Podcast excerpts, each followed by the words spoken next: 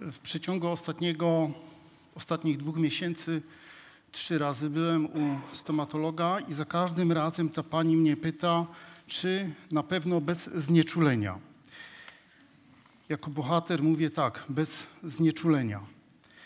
Dzisiaj przeczytam taki tekst i też będzie bez znieczulenia. Tekst bardzo bolesny. Ale zanim przeczytam ten tekst, czy słyszycie czasami takie zdanie, wtedy jak jest taka przyjemna chwila, którą chciałoby się zachować, żyć, nie umierać? No to ja w zgodzie z tym, co Tomek też wyśpiewał, będziemy mówili umierać, żeby prawdziwie żyć. Zanim przeczytam jeszcze ten tekst, jeszcze krótka anegdota. Ta sytuacja miała miejsce tutaj, właśnie w tym miejscu, a dotyczy Mariana. Marian kiedyś chciał pewną siostrę przywitać, z tego co pamiętam, chyba nazywała się Anastazja. I on powiedział: Bardzo serdecznie witamy wśród nas siostrę eutanazję. I dzisiaj będziemy mówili o eutanazji. Nie wiedziałem, co to słowo znaczy. Tylko szwagier dał mi książkę po niemiecku na temat eutanazji, to co dzieje się w Europie, i zacząłem czytać. I zobaczyłem, że eutanazja z języka greckiego znaczy dobra śmierć. I będziemy mówili dzisiaj o dobrej śmierci. Śmierć właściwie jest wrogiem.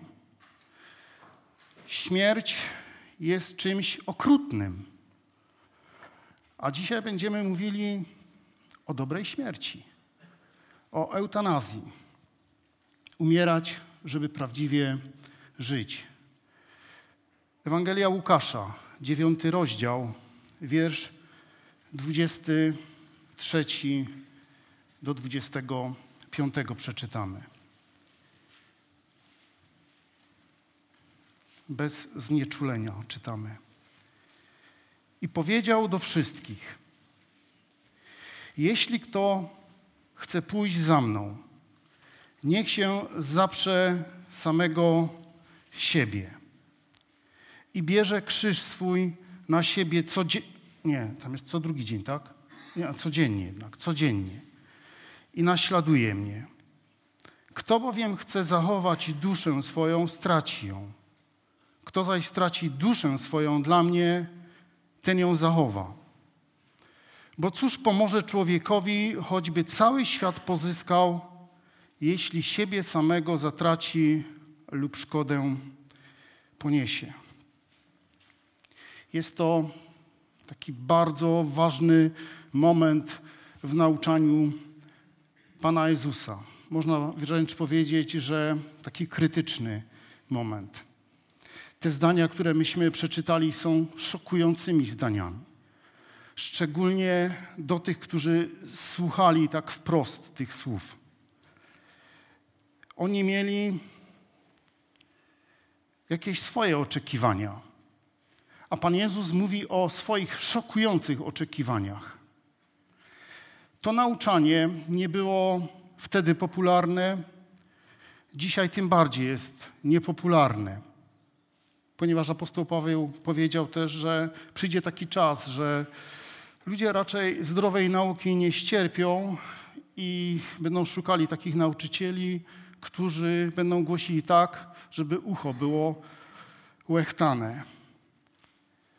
Pan Jezus mówił trudne słowa parę razy powiedział te zdania. To nie pierwszy raz i nie ostatni raz. E, uczniowie wręcz są zaniepokojeni, jak słyszą te słowa. I parę rozdziałów dalej pytają: Panie, czy tylko niewielu będzie zbawionych? Zadałem sobie pytanie i popatrzyłem na kontekst tej wypowiedzi bo ważne jest popatrzeć, kto te słowa powiedział i w jakich okolicznościach te słowa zostały wypowiedziane. Gdybyśmy wrócili się parę wersetów wcześniej, tam czytamy o Panu Jezusie, który dokonał niezwykłego cudu. Nakarmił tysiące ludzi. I ludzie byli pod wrażeniem tego cudu i chcieli obwołać go królem. Ale ten cud spotęgował też takie oczekiwania, bo oni czekali. Czekali na Mesjasza. I po tym cudzie mieli swoje skojarzenia z księgą wyjścia, jak Pan Bóg na pustyni karmił. I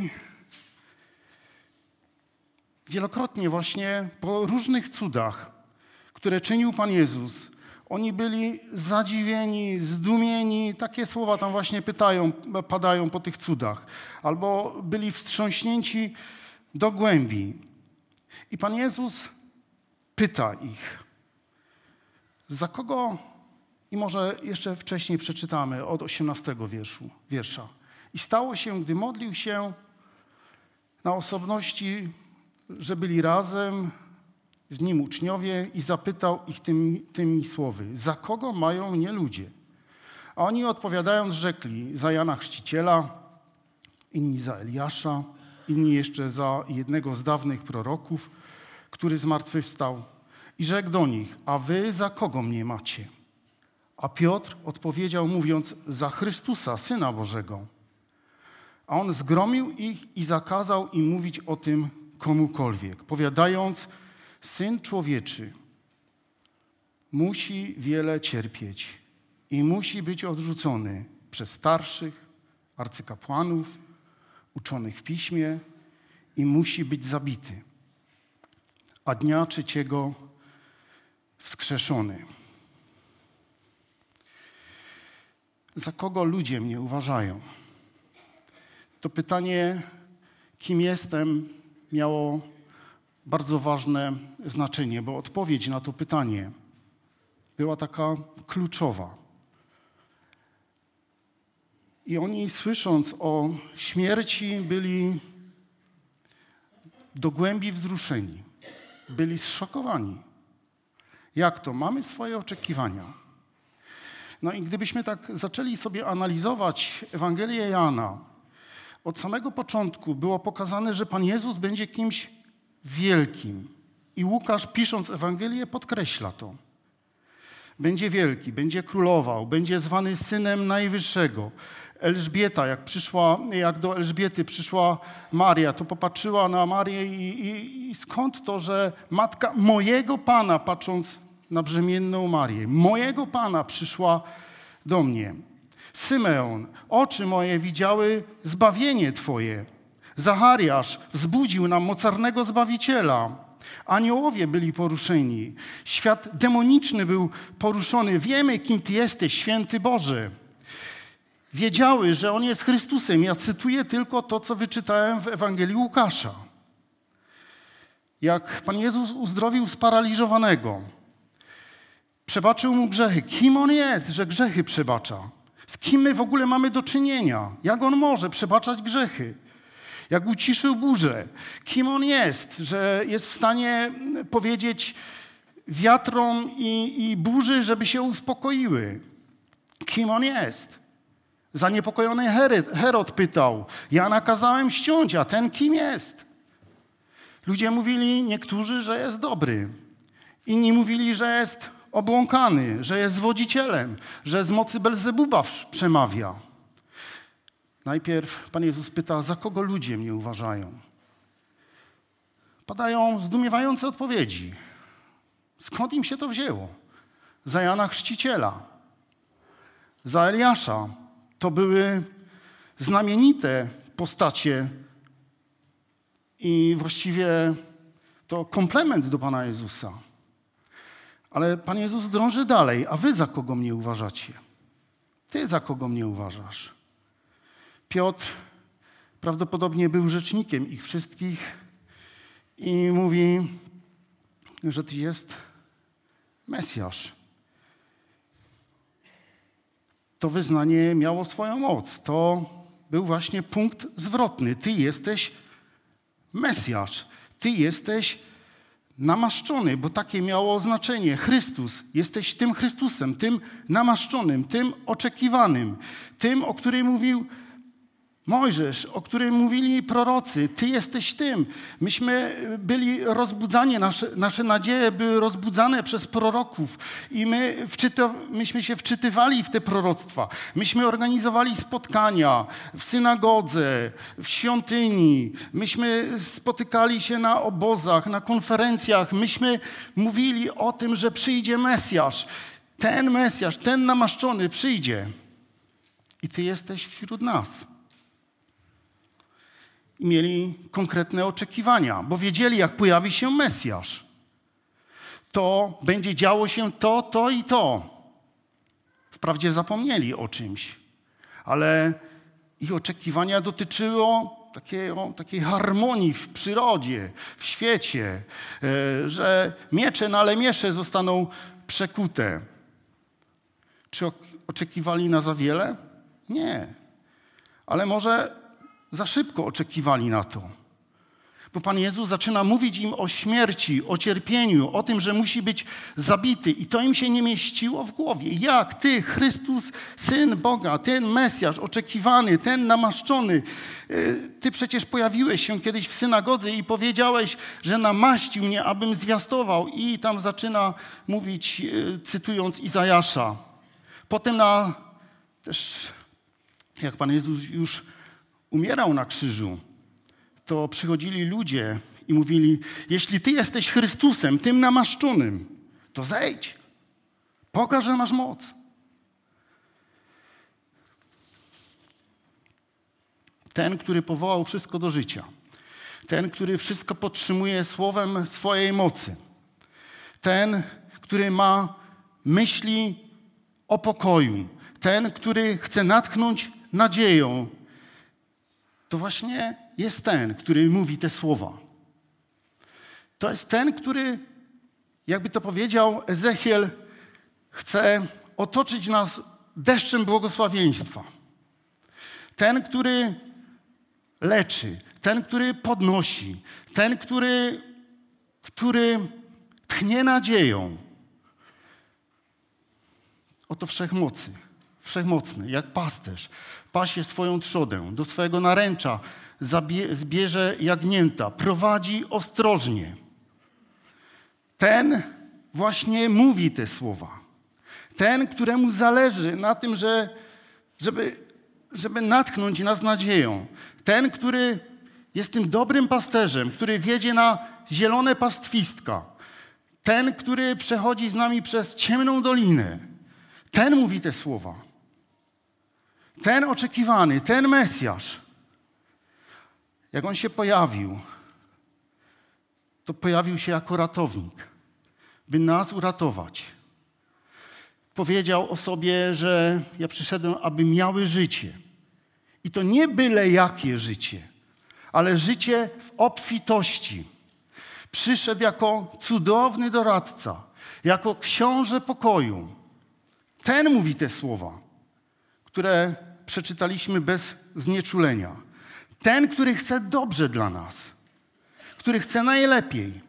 I w pewnym momencie ten Pan Jezus mówi: Skoro już wiecie, kim jestem, to idziemy, panowie, do Jerozolimy. A tam będę musiał. Nie, że będę chyba coś, że, że może się tak przydarzyć, że, że tam mnie sponiewierają że coś mi się wymknie spod kontroli. Nie. Ja, jest taki projekt, ja tam muszę, bo muszę zrealizować to, co Izajasz powiedział w 53 rozdziale. A panie, ale powiedz nam, ale co z tym królowaniem? Przecież my mamy to podzielone. Ten jest minister, ten jest minister, tu rozdana teka, tu. Panie, Przecież Mesjasz, królowanie, harmonia w świecie przyrody, wszystko. No nie, no cierpienie, nie, nie z nami, my, my obronimy. Do nich nie docierało, że on musi cierpieć.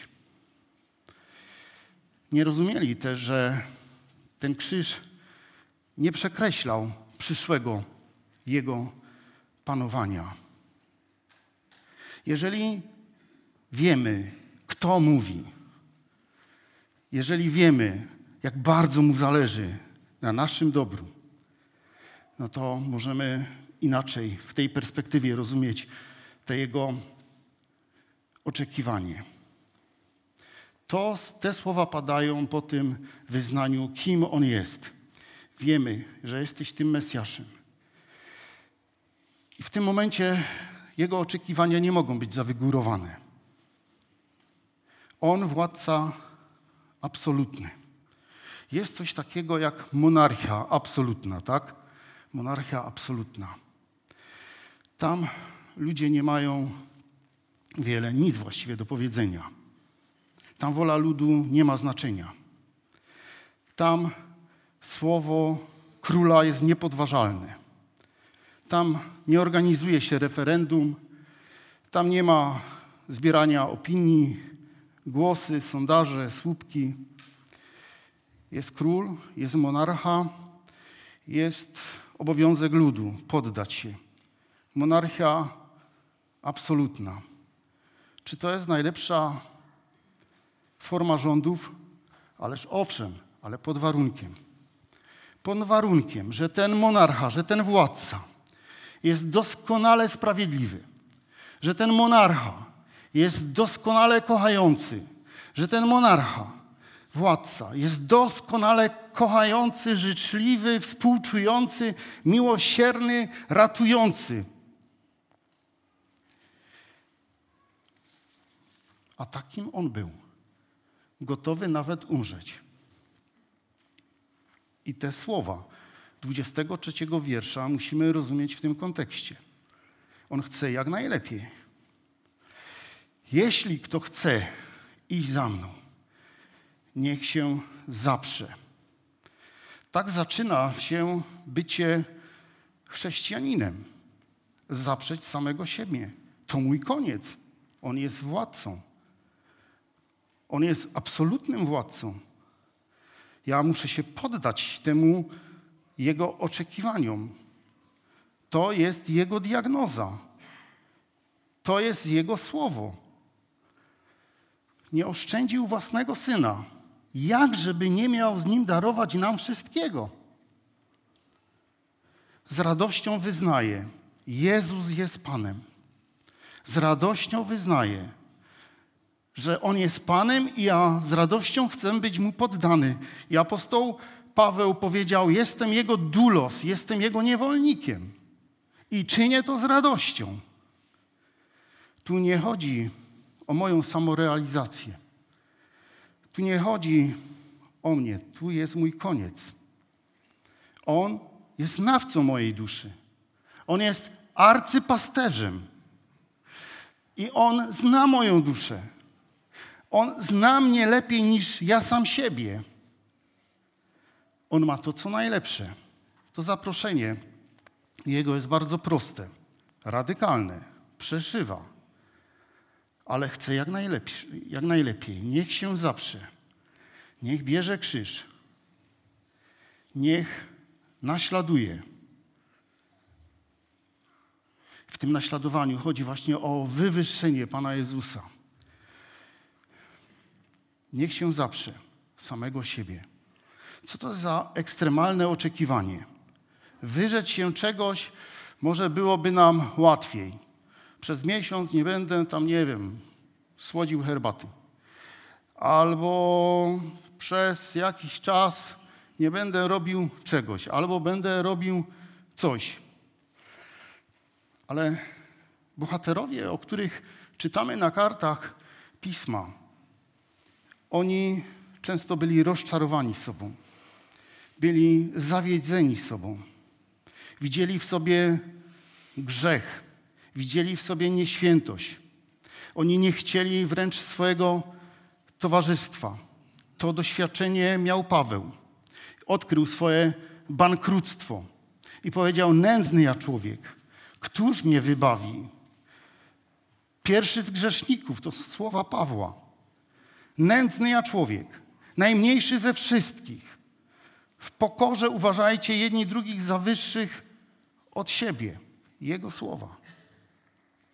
Job, jak zobaczył Pana Boga w swojej świętości po mocnych doświadczeniach, powiedział: Panie, odwołuję moje słowa, kajam się w popiele, w prochu, wyrzekam się siebie.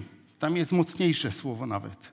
Piotr, jak był na jeziorze i Pan Jezus powiedział, no łowiliście całą noc, no to zarzuć teraz może z drugiej strony.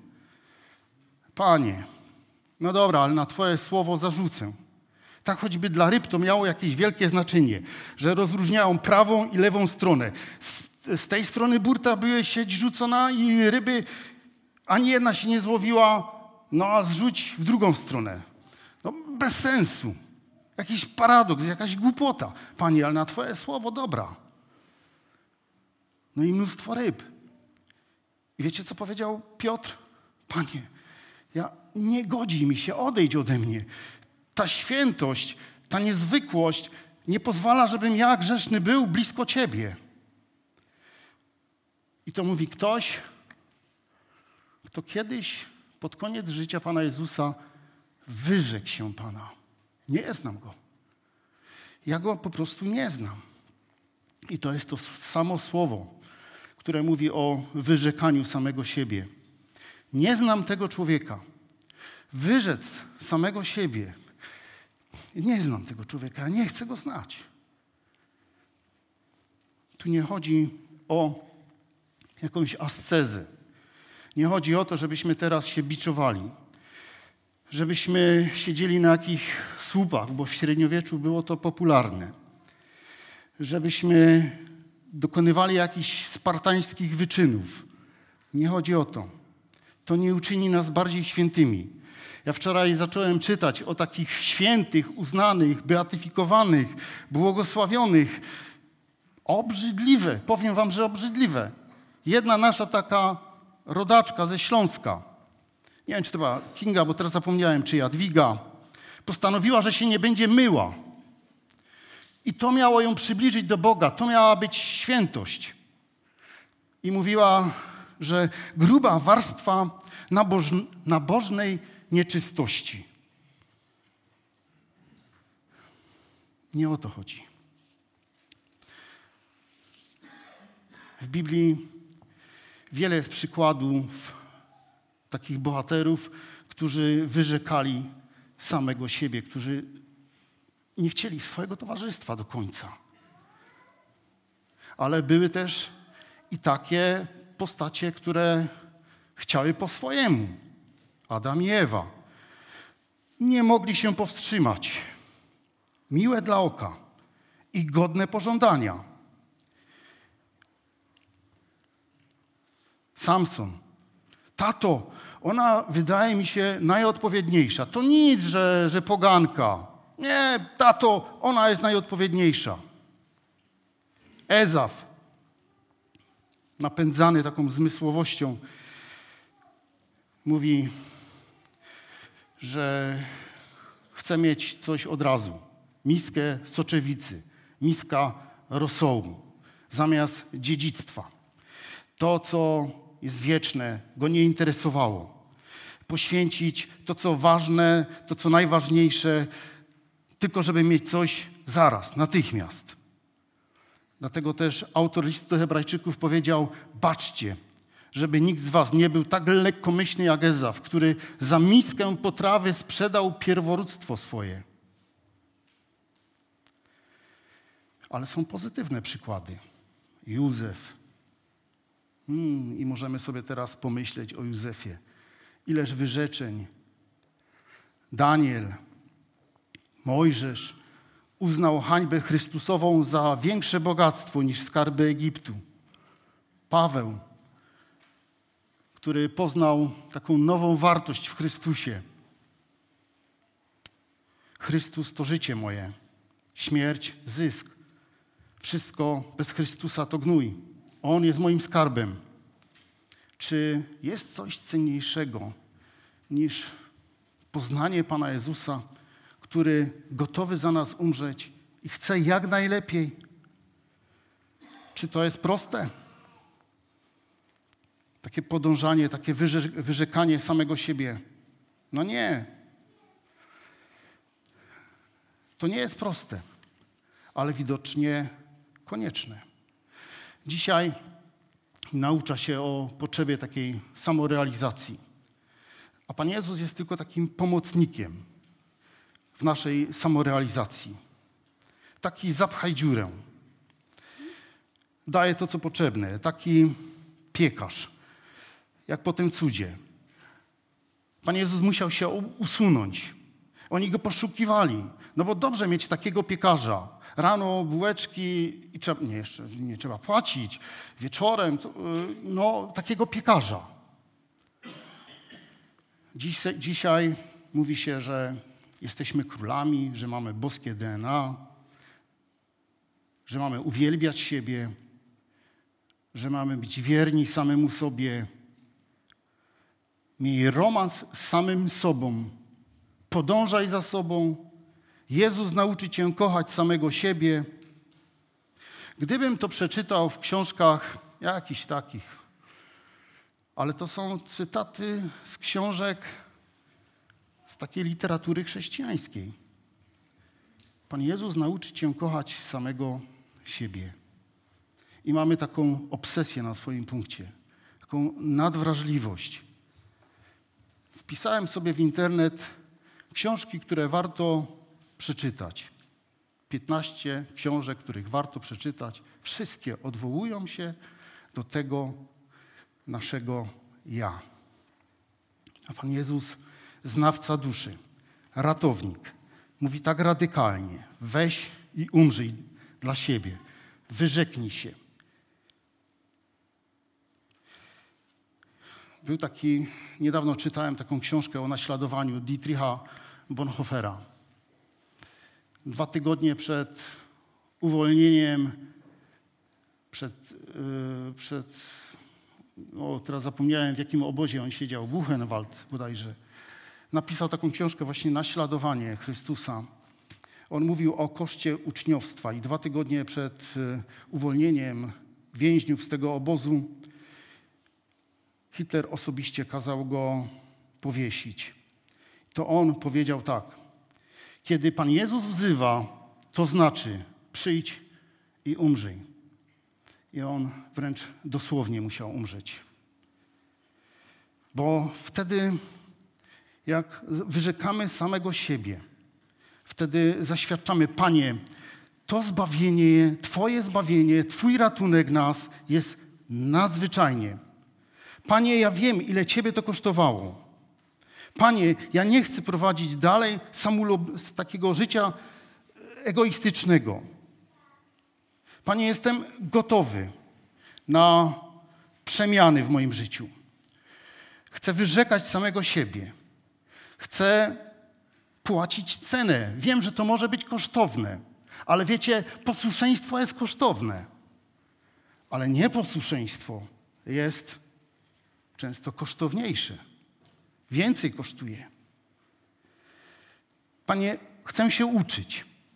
Wczoraj znowu znalazłem taką modlitwę Tozera. Ojcze, chcę Cię poznać, ale moje serce boi się zrezygnować ze swoich zabawek. Nie mogę Cię z nimi rozstać bez wewnętrznego krwawienia. Przychodzę drżący. Panie, ale przychodzę. Proszę, wykorzeniaj z mojego serca wszystkie te rzeczy, które tak długo pielęgnowałem. Jeśli kto chce iść za mną, niech też bierze krzyż swój. Niech bierze krzyż swój. Codziennie, tak? No i kupił sobie złoty krzyżyk z diamentami, no i codziennie nakłada na szyję, tak? O to chodzi różne krzyże. O różnych krzyżach ludzie mówią. Choroba dla kogoś jest krzyżem, dzieci, teściowa, robota, może dla mojego zięcia teściu jest krzyżem. Ale nie o to chodzi. Był taki znany obraz krzyżowania ludzi. Oni to rozumieli wiedzieli, że jeżeli ktoś wziął krzyż a to było narzędzie własnej śmierci. To narzędzie było to narzędzie egzekucji. Jeśli ktoś wziął ten krzyż, to już był martwy. I już nie miał swoich planów. Możemy sobie wyobrazić kogoś, kto niesie swój e, krzyż i on wie, że zdąża już w kierunku, w kierunku śmierci i jeszcze ma takie plany. No dobra, no za miesiąc pojadę tu, tam, zrobię to, jeszcze tamto zrobię. Pan Jezus powiedział, że nie jest uczeń nadmistrza. Czyli jeżeli mistrz musiał cierpieć, to prawdopodobnie może tak się zdarzyć, niekoniecznie tak się musi zdarzyć, że może też trochę pocierpieć.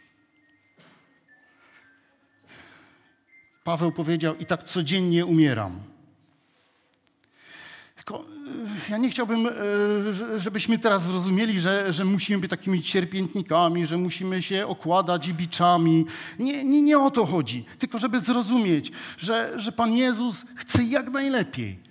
I On zna naszą duszę, zna nasze potrzeby. I On chce deszczem błogosławieństwa nas obsypać. Taki jest Jego zamiar. Taki On przyszedł i był gotowy umrzeć. A czasami może zdarzyć się, że będziemy musieli również umierać. I apostoł Paweł to zrozumiał.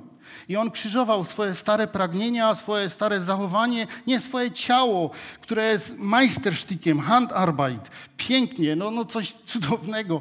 E, tak nas Pan Bóg e, stworzył, e, ale jest dużo takich pragnień, porządliwości, które należy, z, z którymi należy się rozprawić.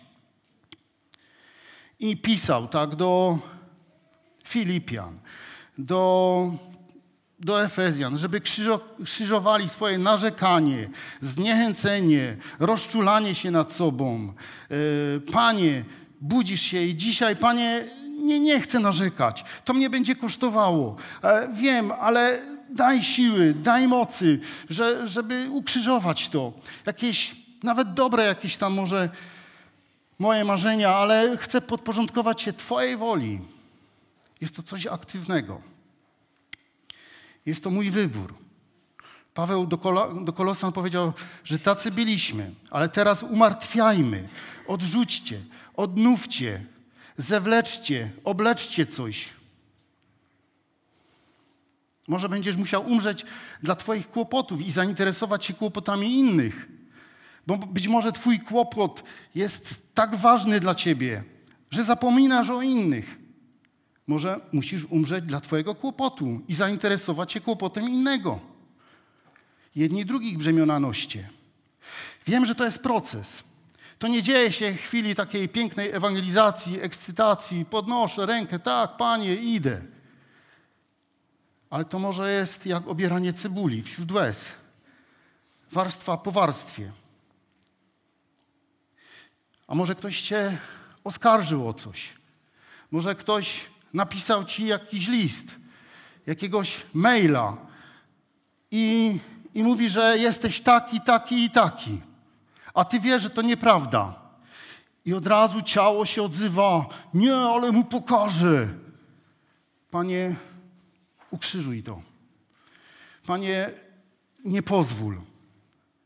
Chcę w sposób duchowy, mądry czy, to, czy te słowa Pana Jezusa są zachęcające? Taki, mówi się dzisiaj o takim przyjaznym kościele. Trzeba głosić tak, żeby przyciągać, żeby nie urazić, żeby być takim optymistycznym, takim tolerancyjnym. A Pan Jezus tak radykalnie. Wielu dosłownie w życiu przepłaciło życiem. Gdybym kazał to przeczytać w Jemenie, Gdybym te słowa kazał przeczytać w Afganistanie, gdybym te słowa kazał przeczytać w Korei Północnej, w Somalii, w Libanie, w Nigerii, w Pakistanie, to oni by zrozumieli, że prawdopodobnie mogą też i fizycznie stracić swoje życie. Wpisałem sobie w Google, możecie też sobie w domu wpisać, ilu chrześcijan ginie codziennie. Ilu? Jedenastu. Codziennie. Fizycznie, wręcz fizycznie. jak czytałem ten fragment, mówię, co za paradoksy tutaj. Biblia czasami używa takich paradoksów. żeby używa tego środka, żeby czegoś nas nauczyć, żeby coś głębiej zapadło, coś, co wydaje się sprzeczne, ale coś, co jest ważne na całe życie. Ludzie, którzy mają taki nieodrodzony umysł, tego nie przyjmują. Uważają, że to głupstwo, że no nie, no jak? Chce, jeśli ktoś chce zachować, niech straci. Jak straci, to zachowa. Chcesz być bogaty, bądź ubogi, błogosławieni ubodzy. Całe kazanie na górze wydaje się, że to jest jedno wielki taki paradoks.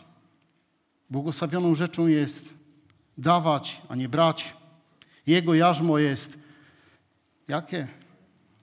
Miłe, słodkie w innych tłumaczeniach, a jego brzemię lekkie. Nadstaw drugi policzek. Kto się wywyższa, będzie poniżony. Jako umierający, Paweł powiedział, a oto żyjemy. Jako zasmuceni, a zawsze weseli. Jako ubodzy, jako nic nie mający, a jednak wszystko posiadający jeszcze innych gotowi pocieszać. Tu się wydaje, że to jest wszystko do góry nogami. No a może jednak nie. Może świat żyje do góry nogami. Bo jak może być zdanie logiczne? Idzie dalej ten, kto stoi w miejscu. Ale wypisałem sobie tam dziesiątki takich paradoksów. Teraz zacytowałem tylko karę, parę, ale jest jeden największy paradoks. 1 Koryntian 1,18. Albowiem mowa o krzyżu jest głupstwem dla tych, którzy giną, a dla nas jest mocą Bożą. Życie ze śmierci. Dawna modlitwa. Znalazłem taką też dawną modlitwę. Panie, naucz mnie, że złamane serce to uzdrowione serce, że skruszony duch to uzdrowiony duch, że droga w dół to droga w górę, że nosić krzyż to nosić koronę, że Twoje życie to moja śmierć. Jest w 24 wierszu taka ważna fraza. Ze względu, ze względu na mnie. Ludzie ze względu na karierę, na sukces są w stanie zrezygnować z wielu rzeczy. A Pan Jezus, który sam siebie przedstawił, wiesz, kim On jest. Wiesz, jakie ma zamiary wobec Ciebie. Wiesz, że gotowy za Ciebie umrzeć. I umarł, jak żeby nie miał dać wszystkiego. Ze względu na Niego możemy zakasać rękawy, podkreślić, Panie, zbawienie jest za darmo, ale ja chcę swoją postawą pokazać, że, że dla mnie to zbawienie jest cenne.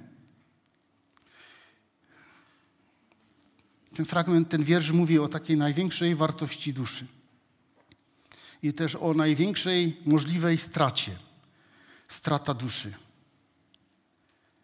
Choćbyś nawet, choćbyś nawet, to się mówi tam hiperbola, że choćbyś nawet posiadł cały świat, to jest wręcz niemożliwe, ale ho, załóżmy, choćbyś nawet to ci to nic nie pomoże. Gdybyś stanął, nie wiem, jaki tam w Nowym Jorku jest obecnie najwyższy y, budynek, taki najbardziej okaza, okazały, e, nie wiem, Freedom Tower czy jakiś. załóżmy, że, że dobrze powiedziałem, a obok leży jakiś bezdomny, obok tego wieżowca pięknego. Na co byś zwrócił uwagę? Pan Jezus by zwrócił na tego bezdomnego bo tam jest wieczna dusza. A to, to widzialne za chwileczkę może być niewidzialne. Przeczytałem o taką historię o Karolu Wielkim. 180 lat po jego śmierci otworzyli jego sarkofag na polecenie od Tona jakiegoś tam trzeciego. No i tam były resztki tego Karola. No i na jego kolanach leżał ten tekst, właśnie ten tekst 23 do 25, z tym reszt, resztka tego palca właśnie na tym tekście, choćbyś wszystko pozyskał, a na duszy szkodę poniósł. Umieranie, eutanazja, która prowadzi do życia. Umierać, by żyć. Jak ziarnko wrzucone do gleby musi umrzeć, żeby przyniosło owoc. Czy On chce nas okraść? A może chce, żebyśmy mieli życie w obfitości? Kto, mną, kto za mną idzie, Pan Jezus powiedział, nie będzie chodził w ciemności. Na zakończenie ostatnie słowa z listu Piotra. Obdarowani wszystkim, co jest potrzebne do życia i pobożności, przez poznanie tego, który nie, nie powołał, przez własną chwałę i cnotę, przez które darowane nam zostały drogie, największe obietnice, abyście przez nie stali się uczestnikami boskiej natury, czyli Jemu podobni. Panie, chcę się wyrzekać, chcę brać ten krzyż, chcę te wszystkie moje namiętności dla Twojej chwały. Dzisiaj, Panie, tak codziennie zapierać się, bo chcę, by Twój obraz we mnie był kształtowany na Twoje podobieństwo, uniknąwszy skażenia, jakie na tym świecie pociąga za sobą porządliwość. Dzisiaj będziemy łamać chleb i pić z kielicha. I będziemy wspominali, że On za nas umarł, abyśmy już nie dla samych siebie żyli.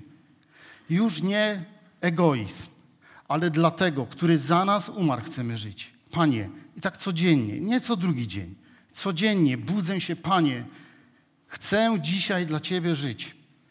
Chcę czynić to z radością. Ty jesteś moim Panem.